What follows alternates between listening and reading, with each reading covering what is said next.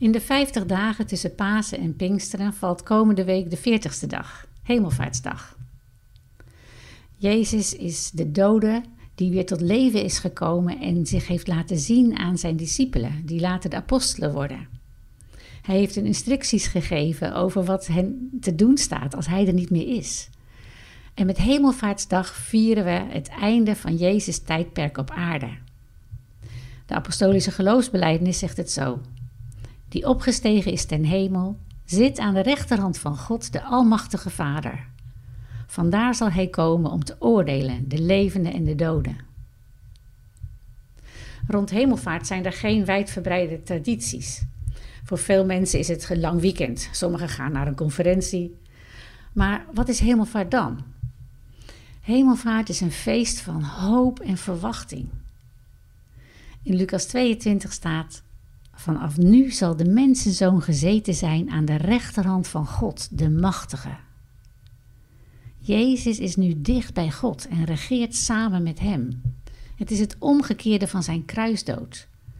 Daar werd hij zwaar vernederd. Hij streed. Hij is diep gegaan, zelfs naar de geesten die gevangen zaten, om te vertellen dat hij voor eens en altijd voor de zonde geleden heeft, om ons bij God te brengen.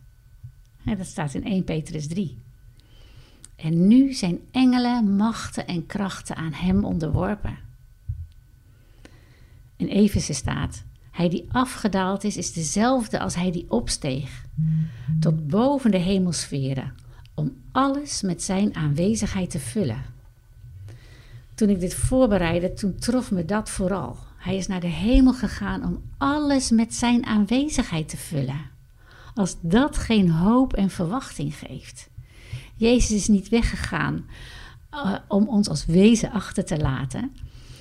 En natuurlijk geeft hij ons de geest, maar dat doet hij om ons te vullen met zijn aanwezigheid. En misschien blijft het een mysterie wat het nou precies betekent dat Jezus gevangenen meevoerde toen hij opsteeg. Dat hij gaven gaf aan de mensen, daar kunnen we ons iets meer bij voorstellen.